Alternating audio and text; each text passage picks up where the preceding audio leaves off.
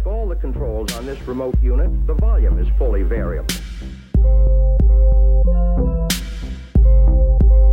Should the telephone ring or guests arrive,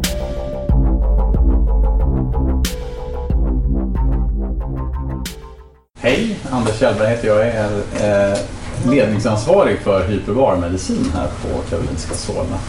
Eh, jag ska berätta lite grann om vad vi sysslar med eh, inom akutsjukvård och intensivvård. Eh, lite grann om organisationen i Sverige och vår verksamhet. Vad vi tror att vi gör när vi behandlar med hyperbar oxygenbehandling. Våra akuta indikationer och vad vi har för beredskap och sen kommer jag dra ett litet fall om jag hinner. Och sen så finns det tid för frågor på slutet. Eh, ni får förstås, är det någonting ni inte förstår eller någonting jag tycker säger är jättekonstigt så får ni förstås avbryta.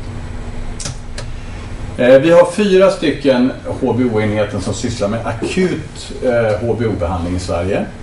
Det är Uddevalla, Göteborg, Stockholm och Karlskrona. Sen har vi dessutom en kammare i Helsingborg också men de har bara elektiv HBO-behandling då, det vill säga sånt som inte eh, har egentligen med våran eh, stora tryckkammarverksamhet att göra då. Sen finns det också ett antal mindre kammare som knappt vi känner till kan jag säga. Det vill säga att väldigt många dykeribolag till exempel har sina egna tryckkammare så de behandlar eh, liksom själva förebyggande mot tryck, eh, tryckfallssjuka när de dyker. Det vill säga att de, har, de dyker med speciella dyktabeller som, där det ingår att man det vill säga om man inte kommer in i tryckkammaren på en gång efteråt så får man dyka sjuka. Så den typen av tabeller dyker folk med i Sverige, alltså professionella företag. Det kan vara rätt bra att känna till. Välkommen. Hej. Eh, våran eh, akutverksamhet då eh, handlar i huvudsak då om Doris. Det är våra nya tryckkammare som nu finns på Nya Karolinska. Eh, den är något mindre än våran gamla som kallas för Nemo. Eh, eller snarare den är bara hälften så stor faktiskt. Den väger 65 ton ungefär. Om ni ser den där bilden på kranen där så behövs det en ganska rejäl kran bara för att flytta Doris. Och av det skälet så gick det helt enkelt inte att flytta med gamla Nemo då som var dubbel, eller den är egentligen mer än dubbelt så stor. Eh, så det, det funkade inte att flytta gamla kammaren trots att den då inte var så himla gammal. Den var ju bara 11 år gammal. Men det skulle kosta eh, alldeles för mycket att flytta och dessutom var vi inte hundraprocentigt nöjda med den heller. Så det blev bättre och billigare att köpa en ny. Eh, Och vi är väldigt nöjda med den där den står på F382 eh, på Nya Karolinska. Eh, Sen har vi dessutom två stycken monoplace-kammare då, där, man, alltså ligger, där patienten ligger själv. Eh, En förutsättning för att man ska kunna ligga i en sån eh, kammare är ju att man är, att man är vaken och kan kommunicera och liksom att man inte behöver någon mer avancerad intensivvård. Men en, en hel del av våra akuta behandlingar sker faktiskt i de här små kamrarna också. Om man har en, en mildare grad av dykarsjuka eller en kolmonoxidförgiftning till exempel som inte, eh, som inte är medvetslös när man kommer in. Eh, vad gör vi då? Ja, förra året så såg det ut så här. Det vill säga vi hade 92 stycken behandlingar i Nemo då, som våran, våran intensivvårdskammare. Eh, och eh, det var totalt 25 patienter. Så som ni förstår så är inte det här en jättestor verksamhet. Däremot så är det en väldigt dyr verksamhet förstås. För man behöver den stora kammaren och mycket personal runt omkring för de här relativt få patienterna. Sen till det här kommer ju då att vi hade ett antal fall som vi behandlade uppe i, i småkammaren också. Men, men det här är så det såg ut eh, eh, i Nemo förra året. Eh, huvudsakligen då, som ni ser det stora orangea här, det är ju det är ju då eh, våra nekrotiserande fasciter. Anledningen till att det är så många beror ju på att det är inte fler patienter egentligen utan vi behandlar dem flera gånger. En del allvarliga dykarsjukor och gasembolier behandlar vi också flera gånger. och kommer att berätta lite mer om det sen. Eh, vad gör vi då? Eh, eller vad sådana definitionen på tryckkammarbehandling, eller HBOT som det heter, Hyperbaric Oxygen Treatment, det är att vi eh, vistas, eh, eller vi behandlar patienterna kortvarigt och intermittent eh, andandes 100% syrgas i ett tryck som är över atmosfärstryck. Det är alltså egentligen definitionen på det. Så att egentligen så skulle kan man säga att allt över, liksom allt tryck som är högre än det som vi har här är hyperbar oxygenbehandling.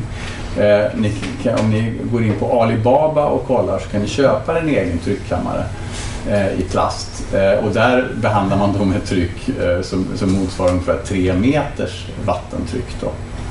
Eh, men det är, väl, det är inte helt osannolikt att även det fungerar om man nu tror på detta. Eh, I vilket fall som helst, vi behandlar på lite högre tryck då. Vi eh, behandlar typiskt på eh, tryck som motsvarar ungefär 14 till 18 meters vattentryck. Eh, och en standardbehandling ligger på runt 100 minuter då. Eh, och det här sker ju då i tryckkammare. Jag kan säga lite grann om bakgrunden, historiskt, varför det är så, varför behandlar vi just på 18 meter? Ja, det beror på att de tabellerna som, som man började använda för tryckfallssjuka eh, är just 18 meter eller, eller 2,8 bars totaltryck eller 1,8 bars övertryck. Då. Eh, och därför så har man liksom fortsatt att behandla på det här sättet. Det är ingenting som säger att det, det är de trycken just precis de bästa trycken, men det är så det har blivit. Eftersom att allt det här har man ju liksom provat sig fram till från början. Eh, vad har vi då för mekanismer? Ja, vi har, jag brukar dela in det så här i tre olika delar. Dels har vi fysiska effekter, det vill säga som har med fysik att göra. Det vill säga vi komprimerar gaser och det gör vi genom att vi pressar in massa luft i det här rummet och då trycker vi ihop gas. Och när vi trycker ihop gas så ökar trycket och då minskar volymen enligt någonting som heter Boyles lag. Så att när vi dubblerar trycket så halverar vi volymen på en gas. Eh, och det här tror vi då är bra om man har till exempel har dykarsjuka eller, eller eh, en luftemboli så komprimerar vi de här gasbubblorna. Det här är dogmen ska jag säga eh, som, som vi arbetar efter. Jag har lite andra funderingar på det som jag kommer till sen men, men det är det som i alla fall det som gäller. Eh, dessutom då får vi en förbättrad elimination av inerta gaser. Den, den viktigaste inerta gasen i det här sammanhanget är ju då eh, kvävgas som är orsaken till dykarsjuka. Det vill säga när vi trycker in massa extra kvävgas i, i kroppen därför att vår kropp blir, eh, löser mer kvävgas eh, när vi är på ett högre tryck. Och vi kan hålla den här kvävgasen i lösning så länge vi stannar på det här trycket. Men sen när vi går upp från ett högre tryck så kan kroppen inte hålla kvar den här kvävgasen i lösning längre och då måste den ut och då bildas det bubblor. Om de här bubblorna då bildas för fort eh, eller på fel ställe där de inte riktigt kan tas om hand, då får vi dykarsjuka. Eh, sen har vi dessutom fysiologiska effekter då, det vill säga vi ökar den syrgasbärande kapaciteten. Och vi ökar den så mycket så att vi faktiskt inte behöver vårt hemoglobin. Eh, som hemoglobin är ju det, det, det ämnet som gör att vi kan transportera runt allt det här syret som vi behöver. Men eh, när vi eh, utsätts för de här trycken som vi pratar om, alltså motsvarande 20 meters vattendjup nästan, då, då kan vi lösa så mycket syrgas i blodet så att vi faktiskt kan klara oss utan vårt hemoglobin. Eh, och det här gör ju också att det här syrgasen, eftersom att vi har fått ett betydligt högre tryck så kan också det här syrgasen diffundera in i vävnaden eh, på, med, en, med, en, större eh, radie från våra små kärl. Eh, vilket gör att vi får en ökad syrgasleverans då till en vävnad som kanske Eh, behöver det. Eh, sen har vi då det som jag tycker kanske är mest spännande, det är de farmakologiska effekterna. Eh, vi, dels får vi ju en vasokonstruktion och en ödemreduktion. Vasokonstruktionen ser vi eh, i viss mån på våra patienter faktiskt, ibland i alla fall. Eh, om inte annat så ser vi att de blir, när, när vi trycker ner dem i kammaren så ser vi faktiskt att de blir lite marmorerade i huden ibland. Eh, och, men de får inte syrebrist för det därför att vi har ju så fruktansvärt mycket syrgas i löst i blodet. Men man ser den här, kan se den här vasokonstruktionen. Eh, och eh, sen har vi också en, en eh, och man kan, kan, faktiskt även se det på blodtrycket i, i viss mån på vissa patienter, att man får en blodtryckshöjning då. Eh, det här är förmodligen, har förmodligen att göra med att vi, vi, vi dammsuger kärlen från NO. Eh, och därför får vi den här vaskonstruktionen. Eh, antimikrobiell effekt har vi, det vill säga att vi, syrgas är ju giftigt kan man säga i stora Eh, i för stor dos. Det är giftigt för oss, det är därför vi åldras bland annat. Eh, samtidigt som sagt så är det en förutsättning för liv. Eh, bakterier har ett sämre skydd än vad vi har mot, mot de här eh, syrets skadliga biverkningar, det vill säga fria syreradikaler. Eh, och eh, därför så mår de ännu sämre än vad vi gör av hög halt syrgas. Och därför har vi en bra effekt av det. Vi potentierar också antibiotika därför att Många utav dem, eller de flesta ska jag säga, av de antibiotika som vi använder, de är beroende av syrgas. De funkar inte om vi inte har syrgas. Eh, och därför så kan vi, det är bland annat därför vi har så otroligt svårt att behandla till exempel stora abscesser med antibiotika. För det är en sur miljö och det är en hypoxisk miljö där inne. Syr, eller antibiotika gör ingen nytta där. Eh, och det kan vi delvis då, åtminstone i små abscesser, kan vi faktiskt göra nytta med den här eh, behandlingen.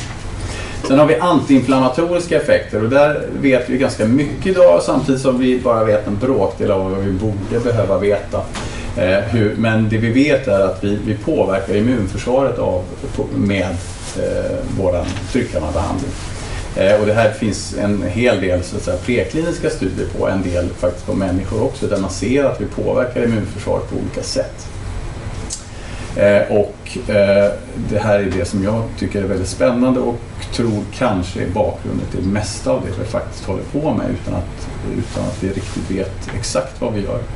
Sen har man också sett att vi har en angiogenes, eh, det vill säga vi bildar blodkärl eh, när vi utsätter patienter för den här behandlingen upprepade gånger.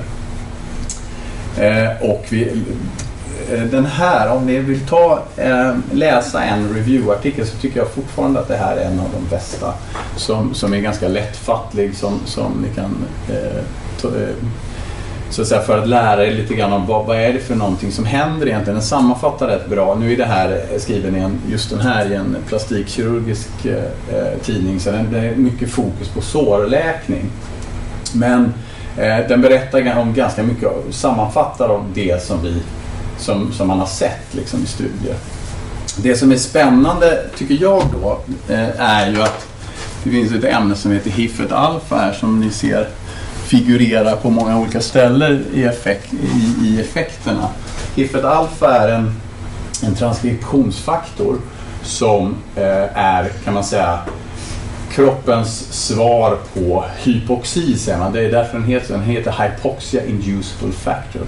Eh, och den här är då, reglerar kroppens svar på hypoxi, säger man.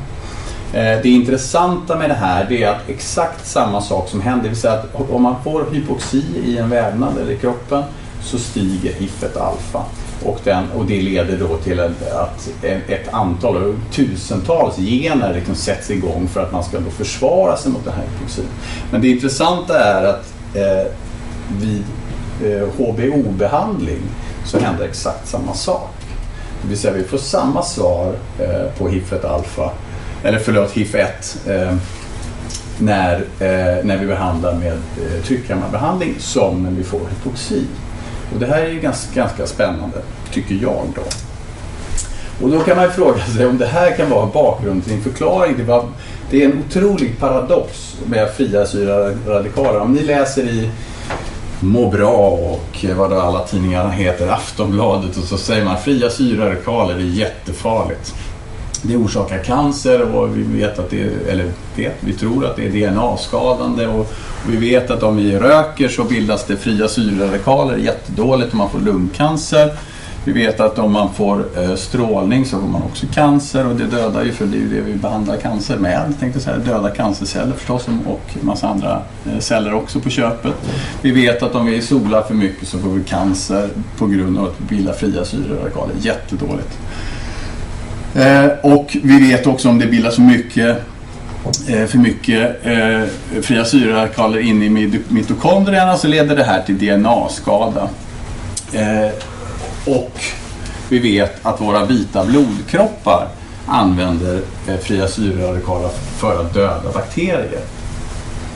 Hur kan vi då tro att det här är bra att stoppa in folk i en tryckkammare? Därför det, det, så pass vet vi att att eh, fria syreradikaler eller oxidativ stress det är centralt i mekanismen på, av HVO-behandling.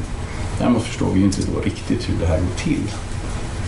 Eh, jag har försökt sammanfatta, jag har hittat massa olika bilder och så har jag försökt sätta ihop dem. Jag vet inte om ni blir klokare av jag blir lite klokare av den här bilden.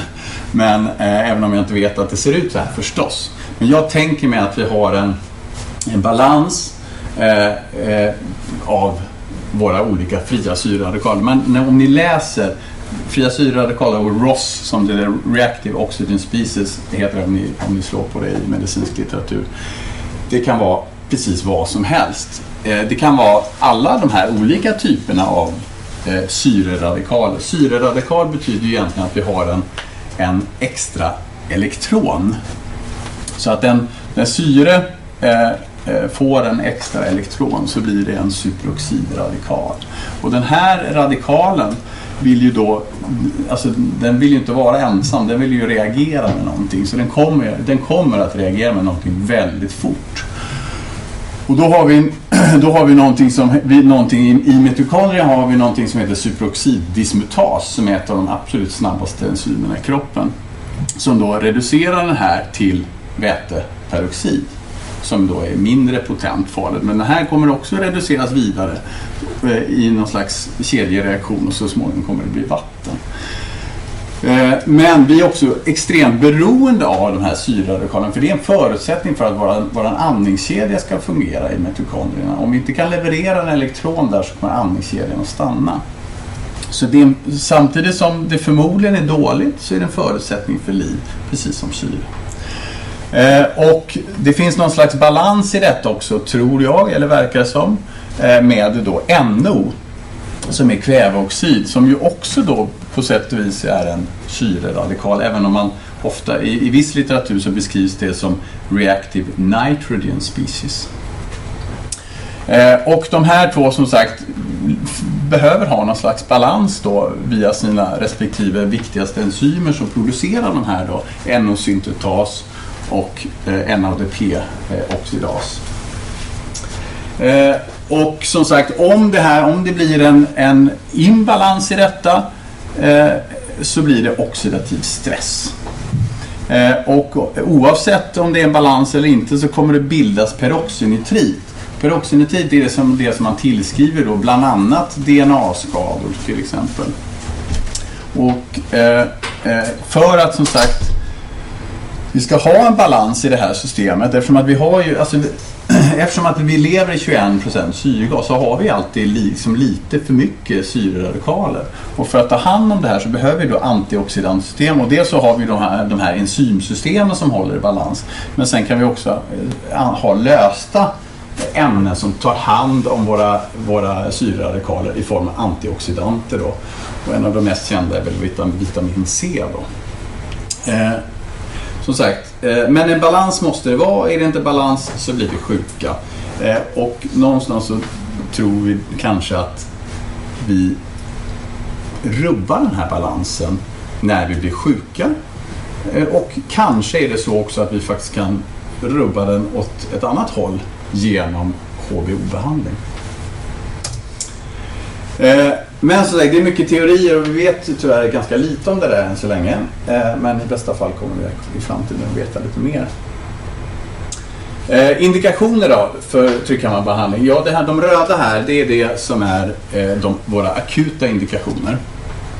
Det är då dekompressionssjuka, alltså dykarsjuka och gasemboli. Svår kolmonoxidförgiftning, eh, akut vävnadsischemi och svåra mjukdelsinfektioner. Sen har vi en rad andra. Det här är de eh, indikationer som vi i Sverige har valt att eh, ha som indikationer.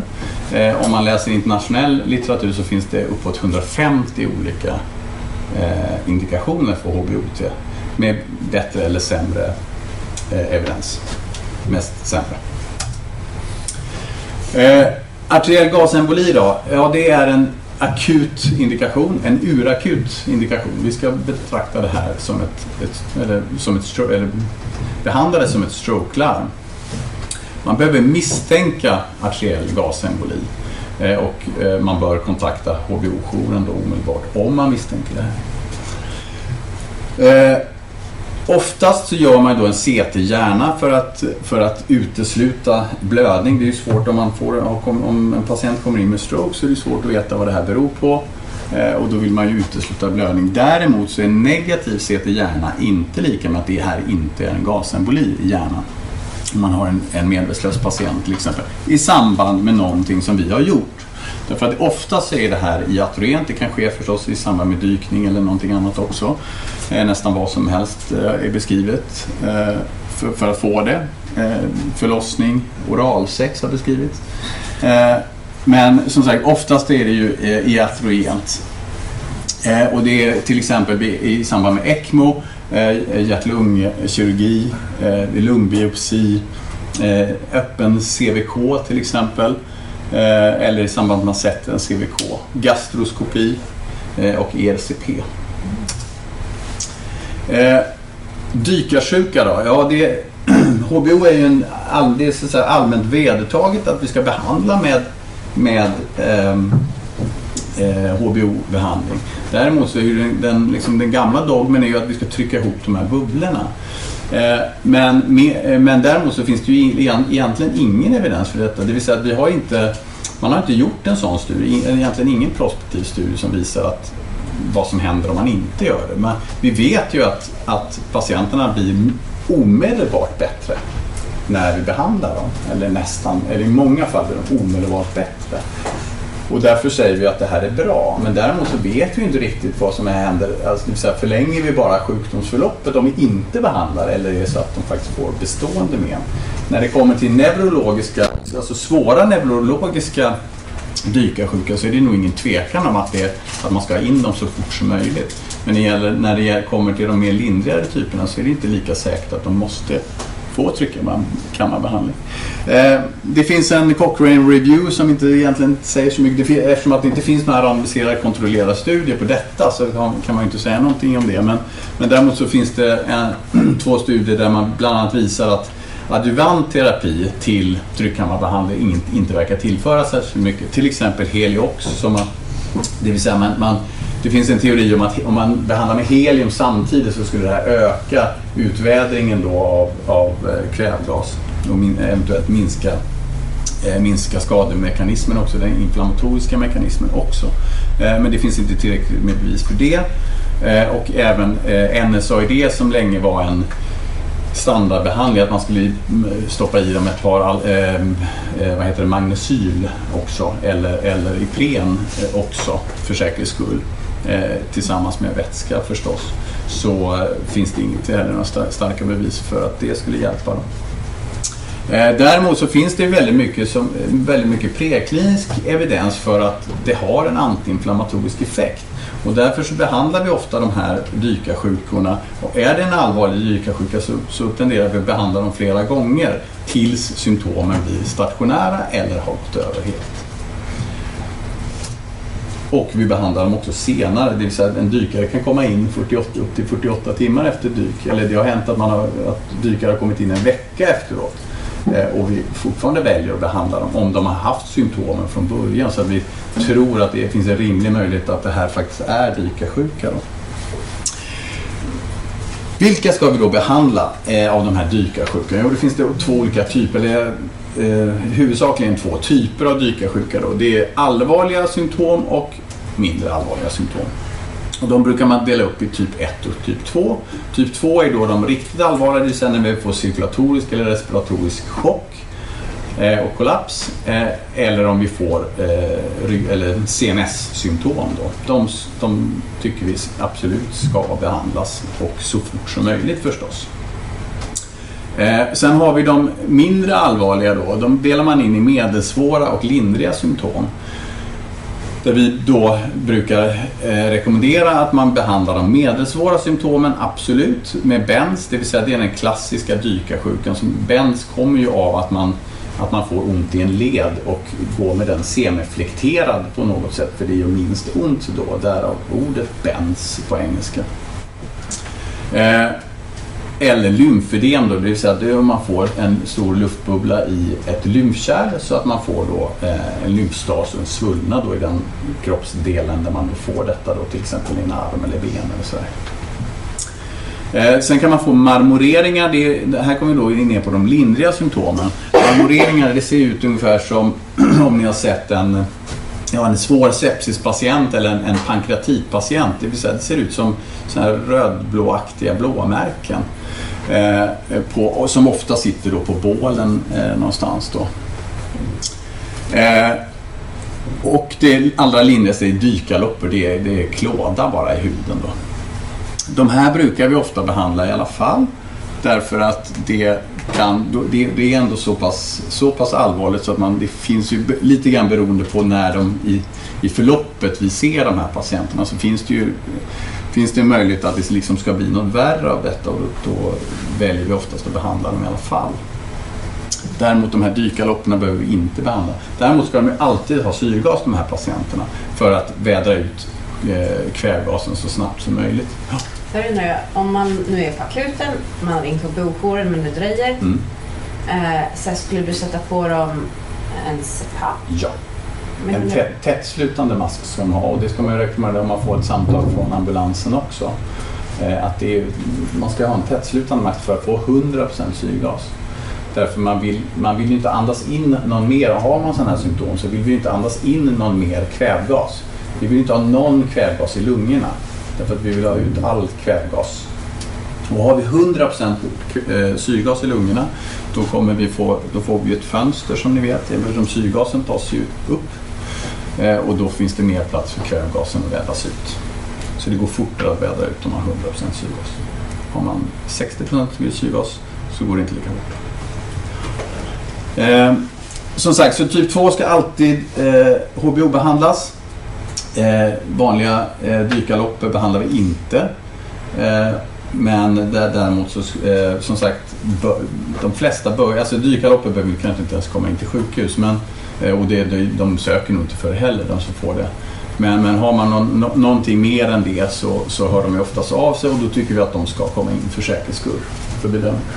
När man ser, ser den här symptomen, är det liksom fokala bortfall? Det kan vara allting. Det beror helt och hållet på var fastnar bubblan någonstans. Precis som, det säga, det kan vara allt ifrån du kan få en, en para, pares, du kan få en paraplegi, du kan få tetraplegi, du kan bli medvetslös. Du kan få, ja, det beror helt och hållet på var, var bubblorna sätter sig någonstans. Men liksom trötthet till exempel? Trötthet är, är ett av kardinalsymptomen faktiskt för just dykarsjuka. Onormal trötthet. Det har nästan alla. Alla som har säga, allvarlig dykarsjuka har också en onormal trötthet. Många som har, eh, många som har lindrigare grader har också onormal trötthet. Eh, förmodligen på grund av att det är någon, någon typ av inflammatorisk process som sätts igång kroppen. Det vet vi inte varför det är så. Men det, det är nästan alla upplever en onormal trötthet. Det vill säga att de inte liksom, de kan, orkar knappt röra sig, kan, orkar inte ta av sig dykutrustningen själva. och. Men det är ensamt, det är ingen indikation då?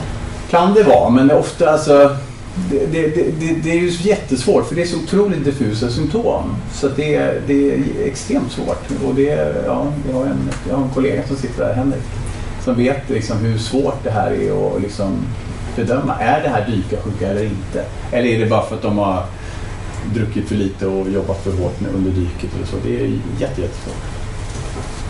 Jag hade, ja, förlåt. Men kör du först. Nej men jag funderar just på det, den korta tid som jag har varit på akuten så har det kommit in, för att det kommer ju hit också så Ja. det blir ju lite en o, obalanserad eh, ackumulering här ändå. Men, men eh, nybörjardykare som har dykt väldigt, väldigt lätta dyk, eh, korta grunda dyk som kommer in och så har de någon liten så här, ah lite ont i ryggen och så undrar man så här, "Ah, okej okay, du har dykt torrdräkt första gången och det var lite jobbigt och tungt och så. Eh, och så får man en känsla av att det liksom mer snarare är Eh, men då kanske man är lite, då, det är mer att jag är oerfaren det där. samtidigt kan man- Kanske, men ibland så får man en känsla att det här kan inte vara Nej, ja, det, värsta är att allting, är det värsta är att allting kan vara Så. dykarsjuka. Ja. Men man kan också säga så vi brukar ibland säga att är det en, en deserved eller undeserved dykarsjuka. Det vill säga, har man gjort ett avancerat dyk, det är en, en förutsättning för att det ska vara dykarsjuka Ja. är ju ändå att vi ska ha någon slags rimlig uppsamling av, av kvävgas. Ja. Och har man dykt Ja. eh, liksom, sitt första torrdräktsdyk och legat på tre meter och, och pluttat i, i tio minuter så det är ju väldigt extremt osannolikt. Så ju Precis. kortare och grundare dyk desto mindre sannolikt blir det ju att det här är dykarsjuka. Ja men precis och då har de ju för sig ofta ibland ändå gått vidare. Sen kanske de inte har blivit try- tryckta men det är ändå så här Ja. Men man kan säga oftast är det ju så, det, liksom det vi ska, man kan säga så här, det vi, vad är det vi ska behandla då? Ja men det är ju bestående men liksom. Och en trötthet går förmodligen över. Eh, Det vet vi inte heller riktigt vad vi satt, sätter igång med immunförsvaret. Va? Men Men, men vi tror att, det, att är det bara trötthet så går det nog förmodligen över oavsett om vi behandlar eller inte. Då. Och den där neurologiska undersökningen är ganska viktig att få till. Men Den är jätteviktig så att man inte missar någonting. Ja. Men, men jag menar, är det uppenbart så är det uppenbart. Det är de här diffusa fallen som är jättesvåra och de är Ja. lika svåra för oss som, som är dykläkare. Eh, och, och det, någonstans så blir det någon slags kvalificerad gissning. Vi vet att det är ganska ofarligt att behandla så därför tenderar vi ju liksom att behandla patienter ändå om vi har misstankar. Eh, därför att det, det, vi vet att det är relativt ofarligt för de flesta. Jag tänkte också bara fråga en liten så här känsla för vilka djup som man ska börja... Vil, Nej, det vad finns inget, alltså det värsta är att det finns ju inget sånt eh, som, som, eh, som säkert djup kan man säga. För det kan ju vara så. Men, men man bör, bör ju ha någon, någon, någon slags andra symptom också. För neuro, en neurologisk dykarsjuka kan man ju till exempel få en lungbristning. Och lungbristningen händer ju som regel de sista tre meterna. Och oftast den sista metern. Så att har man haft en, en, en torrdräktsdyk och fått liksom smärt, eller liksom någon slags tryck i bröstet eller ont i bröstkorgen på något sätt och har någon, någon typ av all, symptom på allvarlig dykarsjuka, då kan det mycket väl vara det fast det egentligen då kanske är en luft En gasemboli. en gasemboli istället. Så det, det, det, är, det är svårt. svårt Men, det, jo, men det var ju kanske den slutliga frågan. Är ju, hur vanligt är det, tänker jag, som ändå har dykt ganska många år, liksom att man får en dykersjuka när man har dykt inom Nej, det, liksom, det är alla tabeller och Det är dator jätteovanligt. Man, eller man kan säga så här. 70 procent ungefär av alla dykarsjuka hä- händer inom tabellerna. Okej, Ja. mm. ja, men det är ju intressant. Så- så- Då är det ett bra ja. svar. Ja. Så att, eh, att, att man har dykt inom tabellen är ingenting Nej. som Nej. utesluter på något sätt en dykarsjuka. Därför de här tabellerna är ju gjorda för de är ju framtagna empiriskt på s- friska dykare i amerikanska försvaret på 60-talet. Och, och, så att enligt normalfördelningskurvan så kommer ju några att inte passa in i den här tabellen. Då. Eh, tiden går hörni, jag får rassla igenom det här sista nu. Eh, kolmonoxidförgiftning, det tycker vi också att vi ska behandla. Varför det då? Jo, vi ska behandla det om det är en allvarlig kolmonoxidförgiftning för att inte få bestående men. Det, är det som är indikationen. Eller om man har, alltså en, har en, en allvarlig, så pass allvarlig kolmonoxidförgiftning så att patienten är medvetslös när den kommer in. Eh, för då har man ju uppenbarligen syrebrist. Eh, om det nu är det som är orsaken så. Eh, och då, då vill man ju bli av med den här syrebristen förstås så fort som möjligt. Kolmonoxid eh, som ni säkert vet binder ju mycket starkare då till syrgas än, eller till HB, hemoglobinet, än vad syrgas gör. Eh, och därför så kan vi konkurrera ut den här. Genom ju, ju mer syrgas vi ger desto snabbare eller bättre konkurrerar vi ut eh, den här bindningen till, till eh, hemoglobinet och frigör på så sätt eh, den platsen. Eh, och eh, Sen så får vi ju dessutom de här andra effekterna då, det vill säga på cellulär nivå, det vill säga att vi, vi, vi vänsterförskjuter syrgaskurvorna, det vill säga att hemoglobinet tror att det är mättat. Eh, vilket det ju egentligen inte är. Va? Eh, för det är kolmonoxid som sitter där istället. Men det förstår inte hemoglobinet. Så det vill då inte släppa ifrån sig den syrgas eh, eh, den har eh, på samma sätt. Då. Eh, och eh, eh, dessutom har vi andra som sagt, vi, det, det kan ju, om man väldigt mycket kolmonoxid så kan, det, kan vi även få en bindning till eh, cytokromoxidas i mitokondrierna. Eh, däremot har det väldigt låg affinitet där. Det binder även till myoglobin eh, men dock inte lika starkt som till hemoglobinet. Fetalt HB däremot eh, har, högre, det har ju högre affinitet än van, alltså vårat HB. Det är ju därför barnet kan ta syrgas från mamman. Och samma sak gäller ju där för kolmonoxiden. Så att även om mamman inte är, är uppenbart påverkad så kan faktiskt barnet vara det. Och därför är vi väldigt eh, liberala med att behandla gravida kvinnor då, eh, just vid kolmonoxidförgiftning. Anamnesen är väldigt viktig här. Det är alltså, har patienten varit medvetslös? Det är egentligen det som är kan man säga, vattendelaren för om vi ska behandla eller inte. Eller om patienten är medvetslös förstås. Eh, sen brukar vi ha en, någon, slags, någon slags gräns där på 20-25 eh, procent kolmoxid i blodet. Därför att det måste finnas en rimlig liksom, mekanism att patienten är medvetslös. Har man inget kolmonoxid i blodet och patienten är medvetslös, ja, då är det sannolikt något annat än kolmoxiden som patienten är medvetslös av. Eh, vi har haft ett par fall med allvarlig intoxikation, det vill säga folk som har tuppat av av att de har rökt vattenpipa. Vi har haft två fall senaste, ja, nu är det senaste två år. Eh, Giftinformationscentralen ska man prata med förstås och det är bra om man ringer till oss också eh, om patienten är medvetslös eller har varit medvetslös. För det är då vi, ska, eller vi kan tänka oss att behandla. Eh, det finns en del evidens för detta men inte så mycket. Eh, sju eh, randomiserade kontrollerade studier varav bara två har då visat att det är, finns en fördel med, med, att, kol, eller med att HVO-behandla.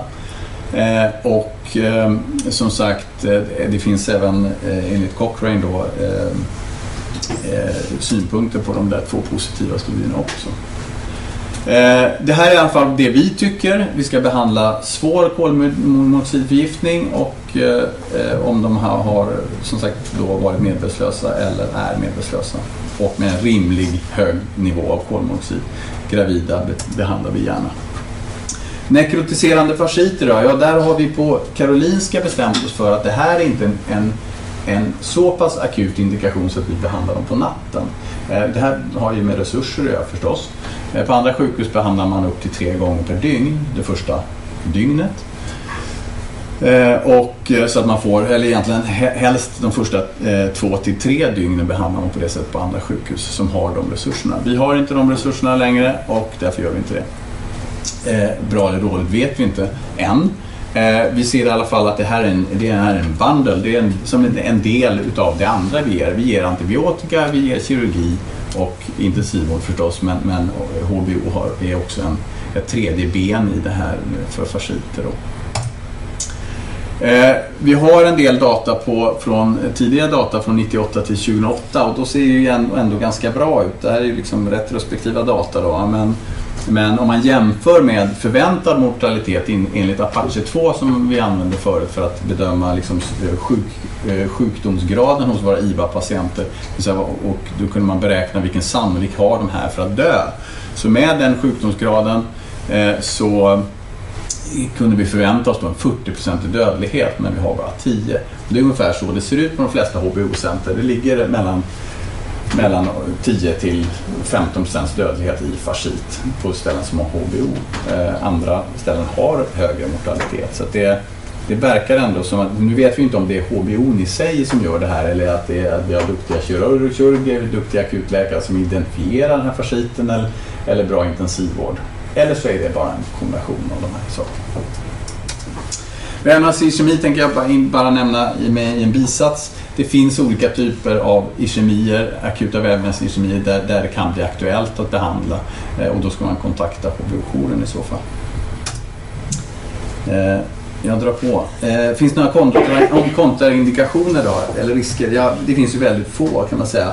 Eh, men svår hjärtsvikt tycker vi eh, kan vara farligt därför att vi får en vasokonstriktion.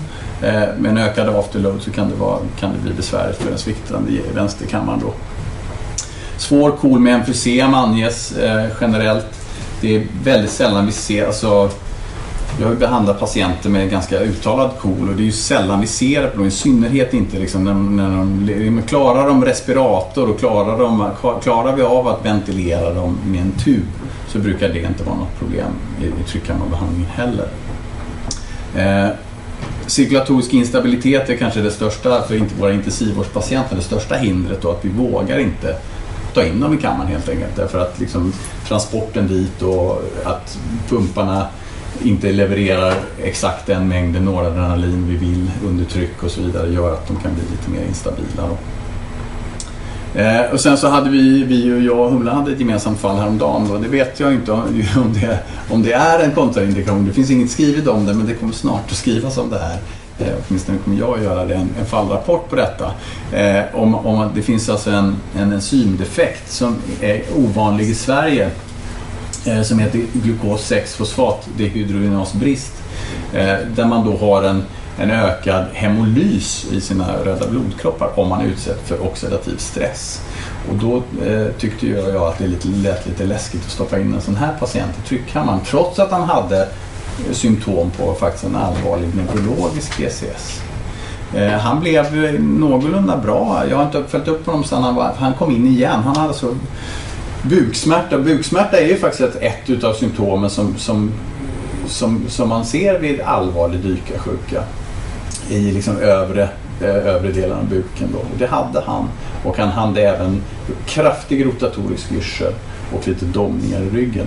Men han hade blivit så pass mycket bättre av sin syrgasbehandling så jag valde då att inte stoppa in honom i tryckkammaren. Rätt eller fel vet jag inte. Eh, kanske jag får reda på så småningom. Eh, hur som helst så tolereras det generellt väldigt väl och har väldigt få biverkningar.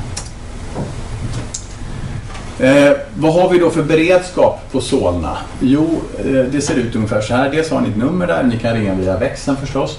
Eh, annars har ni direktnumret till, till eh, vår tryckammarjour. Och då är, det, då är det så att vi har liksom en växel i växeln. Och det kan vara bra för er att känna till att det är en väldigt konstig signal när man ringer till oss. Det låter som att det först tutar upptaget. Det är inte upptaget oftast utan det, det låter så. Och sen så blir det, så blir det något tyst och så blir det något pip och sen så småningom kommer man fram. Så häng kvar i luren. Det är mitt eh, det är take home message som jag har glömt att skriva upp på slutet. Eh, den är, vi är bemannade då från 07.30 till 21 på vardagar och 8 till 16 på, helgerna med en dykläkare. Eh, och eh, övrig tid då så besvaras frågorna av SIVA-jouren och den SIVA-jouren är inte nödvändigtvis dykläkare och kan eh, kanske ha gått en sån här, Eh, för, lyssna på en föreläsning ungefär som ni gör nu. Eh, så att det är inte nödvändigtvis så att den vet så himla mycket mer om HBO än vad ni gör. Men i bästa fall kan ju den då få kontakt med någon av oss som inte är i tjänst men som kanske svarar i telefon i alla fall. Då. Är det så att man inte får kontakt med oss, ja då får man höra av sig till ett annat sjukhus. Göteborg och Karlskrona har eh, beredskap dygnet runt. Då. Men som sagt, i de allra flesta fall så lyckas man få tag på någon av oss som är, som är dykläkare. Eh, och det är då den ansvariga specialisten, det vill säga antingen den som är ansvarig på SIVA eller på, på anestesin som bedömer om vi ska då ringa in folk för, för att trycka med, behandla den här patienten. Ofta görs ju det förstås i samråd med någon som är dykläkarutbildad. Nu hade jag tänkt dra en presentation men jag ser att jag, jag har tre minuter på mig, eller hur? 16.20. Ska vi... 25. Vad sa du? Ja, vi har fem minuter på har fem minuter på mig. Eh, ska vi göra så att jag eh, hoppar, det är en jättespännande fall presentation. Men jag, eh, jag eh, gör så här. Jag drar det här först och sen så får de som hinner och vill stanna kvar eh, lyssna på den sen. Eh, därför det här är jätteviktigt att jag får med nämligen. Jag vill att ni ska bet- betrakta HBO som ett dyrt läkemedel därför att det är faktiskt ett läkemedel eh, som kan övervägas i vissa fall. Eh, HBO är ingen magic bullet eller silver bullet som det heter. Eh, förutom möjligen då vid livshotande luftemboli. Men man bör alltid eh, överväga det här som adjuvans till annan behandling.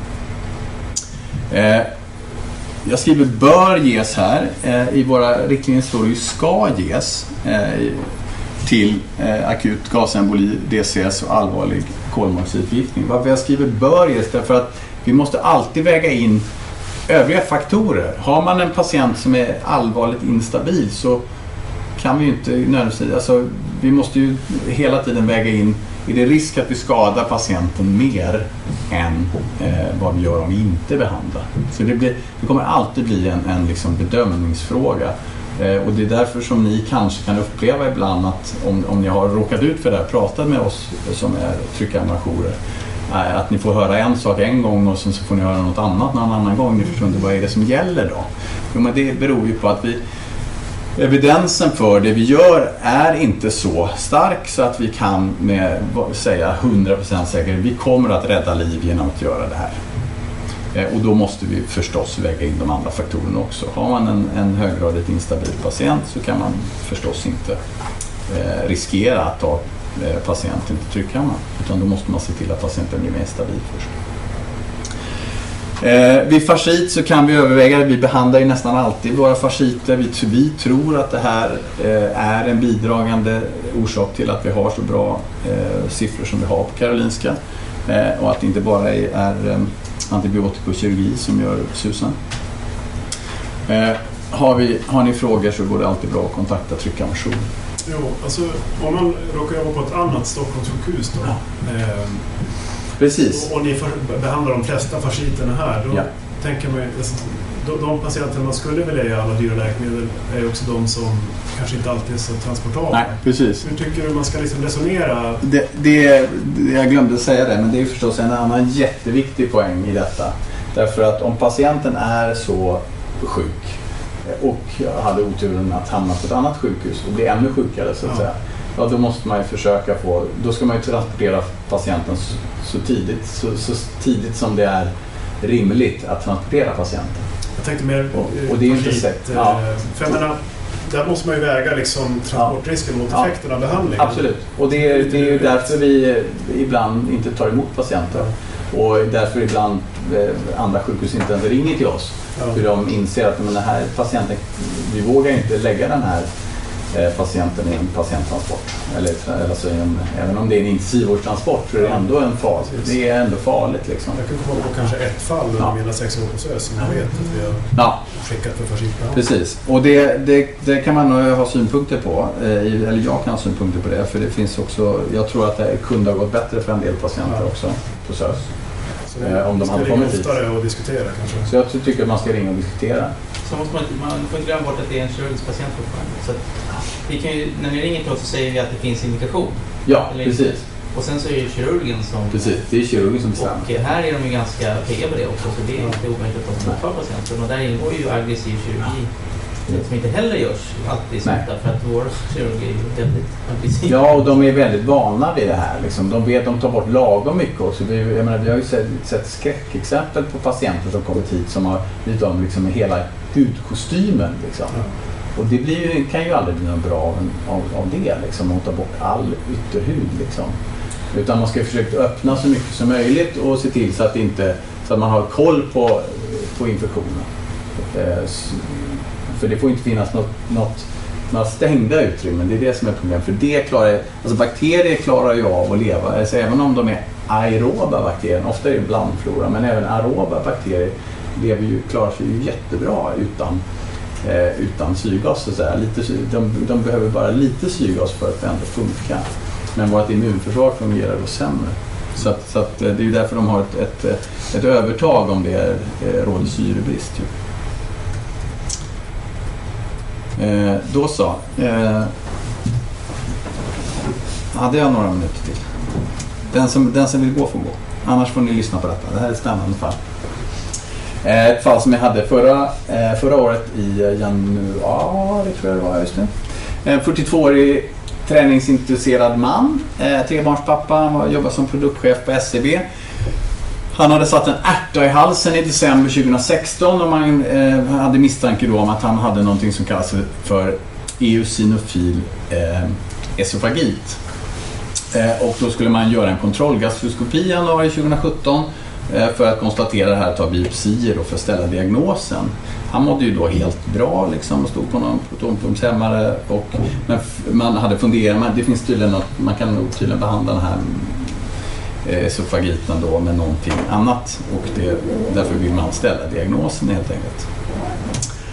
Eh, sju minuter in på den här undersökningen då han har fått eh, ett milligram eh, Midazolam och sen så sju minuter in i undersökningen så blir han då plötsligt medvetslös och börjar krampa. Eh, och eh, då undrar man förstås vad det här är. Man avbryter förstås gastroskopin. Patienten är medvetslös så man ger lite, lite Lanixat för säkerhets skull. Eh, och det händer ju inte någonting då. och man larmar. Och eh, då när narkosen där kommer så konstaterar man att patienten är medvetslös. Eh, GCS4 då, för han har lite sträckrörelse i, i en arm då. Jag kommer inte ihåg vilken. Höger tror jag. Eh, dilaterade pupiller.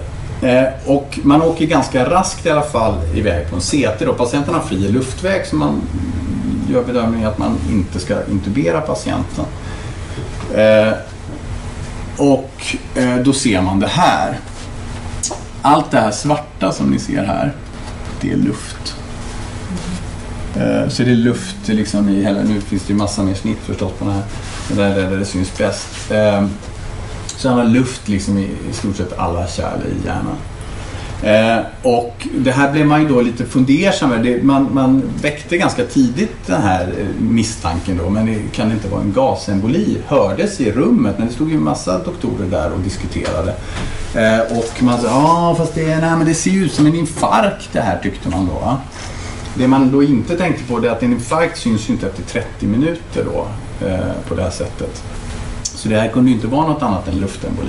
Men i vilket fall som helst så vill man, var man inte, stod man på sig där på neuroradiologen och man ville ha en CT-angio för att utesluta någonting. Och då hade man pratat med mig på telefon där, och där, eh, där jag då hade sagt att man skickar hit patienten så fort som möjligt förstås. Eh, men, och då vill man göra en CT-angio men det tog lite tid för patienten krampade eh, och då vågade man, då kände man att vi måste intubera patienten. Eh, och då drog man iväg till en akutsal, intuberade patienten och sen åkte man tillbaka till CT-angio. Och sen så, ja ni ser vad klockan är också, det var jouravlösning och grejer och så, ja, som det brukar vara. Eh, I vilket fall som helst, det som är så himla intressant med det här fallet, om ni tittar 14.09 så gjorde man första CT gärna fullt med luft. 15.19 gör man CT-angio, all luft är borta. Syns ingen synlig luft i kärlen längre, en timme senare. Det vi, dogmen är ju att vi ska till tryckhammarbehandling så fort som möjligt för att komprimera luft för att bli av, tänkt, att, att liksom bli av med den här luftbubblan. Då, som, så att man tänker sig som en stroke då. Men den är redan borta. Det vi ser i alla fall. Patienten är fortfarande medvetslös. Nu kommer man, vi, vi har kontakt här under tiden så de, Eh, de, vi får i alla fall hit patienten och de kommer hit väldigt snabbt ändå får man säga. Så att eh, de jobbade ju snabbt även om, om man kan ha synpunkter på att de gjorde två CT-undersökningar varav en kanske var onödig då.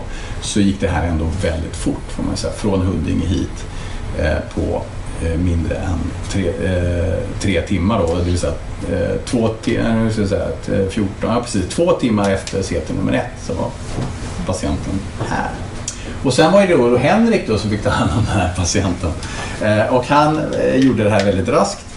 Eh, och eh, 16.26 eh, så började man med en tabell 6 då, som är standardtabellen vid dykarsjuka och gasemboli. Och sen så blev det ingen förbättring där. Jag, tror, jag vet inte om han man släppte du sedering eller vad, vad Jag tror inte han hade något citering. han hade ingen sedering alls kanske. Nej. I vilket fall som helst, då, då pratades vi vid lite grann och vi visste inte riktigt vad vi skulle göra med detta. Eh, och jag ringde till en kollega i Norge och så kom vi fram till att vi skulle behandla den här patienten så länge vi bara kunde för att eh, det skulle bli så bra som möjligt. Mycket med tanke på det här med, med den, den antiinflammatoriska effekten. Då. Så eh, stackars Henrik fick sitta åtta timmar med patienten i tryckkammaren. Och, och sen så gjorde man en magnetröntgen efteråt. Och det som är väldigt intressant med det, det är att en normal magnetröntgen ser helt normal ut. Det vill säga en vanlig T2-viktad MR, helt normal. Patienten är helt medvetslös. Men när man däremot, som, tur var så hade vi då en, en eh, Eh, röntgenläkare som var speciellt eh, intresserad av diffusionsviktade MR. Så hon gjorde en sån. Eh, och eh, på den diffusionsviktade MR så ser man, då ser man de här förändringarna som är vita. Om ni ser i cortex här så lyser det vitt här. Eh, mot en kontroll då som är svart. Eh, och det här betyder cytotoxiskt ödem, det vill säga eh, celler som vars, vars eh, protonpumpar har lagt av på grund av energibrist, en trolig orsak, Eh, och eh, då åker in vatten eh, i cellerna. Och det kallas för cytotoxiskt fel. Och det här såg man. I vilket fall som helst så fortsatte man, patienten var ju fortsatt medvetslös. Och eftersom att vi har även intresserade neurokirurger här så stoppar man in tryckmätare i huvudet på honom. Vi fortsatte sen, han var fortsatt medvetslös och man, i de första dagarna hade han inga problem med, med förhöjt ICP. Vi behandlade honom totalt fem gånger men den, efter fyra dagar där så började han få ICP-problem. Då gick det här mer över då till ett till ett vasogent ödem när man liksom får svullnad när det börjar, börjar läcka ut. Eh, eh, när kärlen börjar läcka och, och man får massa, då, massa eh, vatten på fel ställen och det blir högt tryck i pallet. Så då fick man, då, eh, då fick man ju då eh, ge honom sån här ICP-behandling med pentokoma. Eh, och eh, det där höll i sig ett, några dagar och sen så började det liksom stabilisera sig. Och sen så släppte man då på pentokomat dag 10 tror jag. Eh, och dag 11 började han hosta, sen började han titta upp och krama händer efter knappt två veckor. Och sen så kunde man extubera honom ganska raskt och skicka honom till avdelningen. Han var GCS 14 då när han gick till avdelningen. Eh, och hade lätt eh, högersidig hemipares tror jag. Eh, sen så gick han på rehab eh, lång tid och eh, sen kom, blev det sommar och han ville bli, vara pappaledig och så, så han gick inte tillbaka till arbetet förrän i augusti 2016. Men nu är han tillbaka och jobbar och mår eh, i princip hur bra som helst. Eh, trots detta extremt dramatiska förlopp då och långa förlopp med lång medvetslöshet. Eh, eh, jag har fått lov att visa den här bilden för honom. När han var tillbaka i mars var han i princip helt återställd redan då. Liksom. Eh, Han beskriver själv att han hade lite svårt liksom, att ta en penna från bordet eh, när han skulle liksom, greppa den. Eh, Men det var ingenting som man såg på honom. Han sa också att han hade lite svårt att, han kunde gå, gå vilse på ICA Maxi sa han. men annars så var det... Det. I princip. Och blev lite tröttare på sina barn när de skrek. känner man ju också igen, eller hur? Eh, nej men så att i princip var han helt återställd. Och sen är det här eh, HBO-behandling som gjorde det här eller är det här naturalförloppet? Ja, det vet vi inte riktigt. Men vi, eller jag, frågar ni mig så tror jag att eh, det här har med HBO-behandling att göra. Jag ja. Det är jag var så nyfiken för att luften var ju borta. Ja. Så är det, är det liksom, tänker man sig de första behandlingarna att det var små luftbubblor som ni behandlade och följderna är bara inflammatorisk behandling? Ja, det är det vi inte vet. Det, jag- det jag tror är ju att, och jag börjar, efter det här fallet och ytterligare ett Koldioxid fall. Vad sa du? Det är koldioxid man... eh, Ja, nu är det, det är lite oklart tyvärr vad det var, om det var luft eller koldioxid. Jaha, okej. Men- det brukar vara koldioxid. Ja, men jag vet precis. inte. Det vet inte vi heller tyvärr, det, eller det vet inte gastroskopisten. Mm. Gastroskopisten vet inte om det, om det användes luft eller koldioxid, Aha, tyvärr. Eh, Så att vi har inte riktigt det svaret. Eh, Det kan ha varit koldioxid. Eh, Oavsett vad det var så var ju som sagt han var fortfarande medvetslös trots att Ja. den här luften var borta. Och i luften, nu har jag massa bilder som, som jag inte visat här, men det var fullt med luft i, i, i mediastinum. Han hade till och med en luftbubbla kvar var det i subclavia? Ja, det var liksom fortfarande luft kvar i blodet trots tryckhammarbehandling. Eh, så, att, så därför kan man ju starkt, eller jag börjar åtminstone fundera på vad är det då vi gör? Är det någonting helt annat? Antingen, det ska man, alltså, är man, om man inte tror på HBO-behandling kan man ju förstås ställa sig frågan Spelade det, hade det spelat någon roll? Behöver vi tryckhammarbehandla överhuvudtaget? Jag tror väl snarare att man ska tänka sig att det vi gör är kanske just att dämpa den här antingen ischemi reperfusionsskadan eller att vi på annat sätt påverkar eh, immunsystemet på ett sådant sätt att vi får en, min, får en mindre skada efteråt. Ja, det, det är liksom inte uppenbart för mig hur, varför han drabbades av detta i samband med gastro. Nej, det är inte uppenbart för oss heller men eh, det har uppenbarligen blivit hål på esofagus Ja, okej. och den har, har uppenbarligen, det går ju massor av Så venösa det har man kärl. liksom sett att det var hål där. Eh, nej, vi ser, jag har inte sett ett hål och man vågar ju inte förstås göra någon kontrollgastroskopi på honom. Sen, Det är en del oklarheter men det är uppenbart att luften har kommit in via esofagus för det är fullt med luft längs hela esofagus. Så att, så att det uppenbarligen har gått hål där och sen har man ganska högt tryck för man trycker ut eh, för att man ska se ordentligt. Eh, Så det har kommit ut en jävla massa luft via esofagus ut i venösa plexa eh, runt esofagus via och sen upp i lungorna och sen så har det kommit över antingen via shunt i hjärtat eller shunt i lungorna. Eh, Vi har ju inte heller kunnat göra något, någon sån här transesofagalt eh, eko på honom för det är ingen som vill stoppa ner någonting i hans eh, eh, matstrupe igen och han vill inte ha någonting nedstoppat i matstrupen igen heller. Eh, så att det, det är en del saker vi inte vet. Men som sagt, det, eh, därför är det, här är väl jätteviktigt att, att man tänker på det här. Har man stoppat, har, finns det någon möjlighet att, det kan, att, att, luft kan komma i kontakt med blod och det kan det i alla fall när vi stoppar in saker i patienter. Så, eh, så ska man tänka på luftemboli om de samtidigt blir, blir medvetslösa. Ja, det var allt jag hade att berätta. Tack så mycket. några-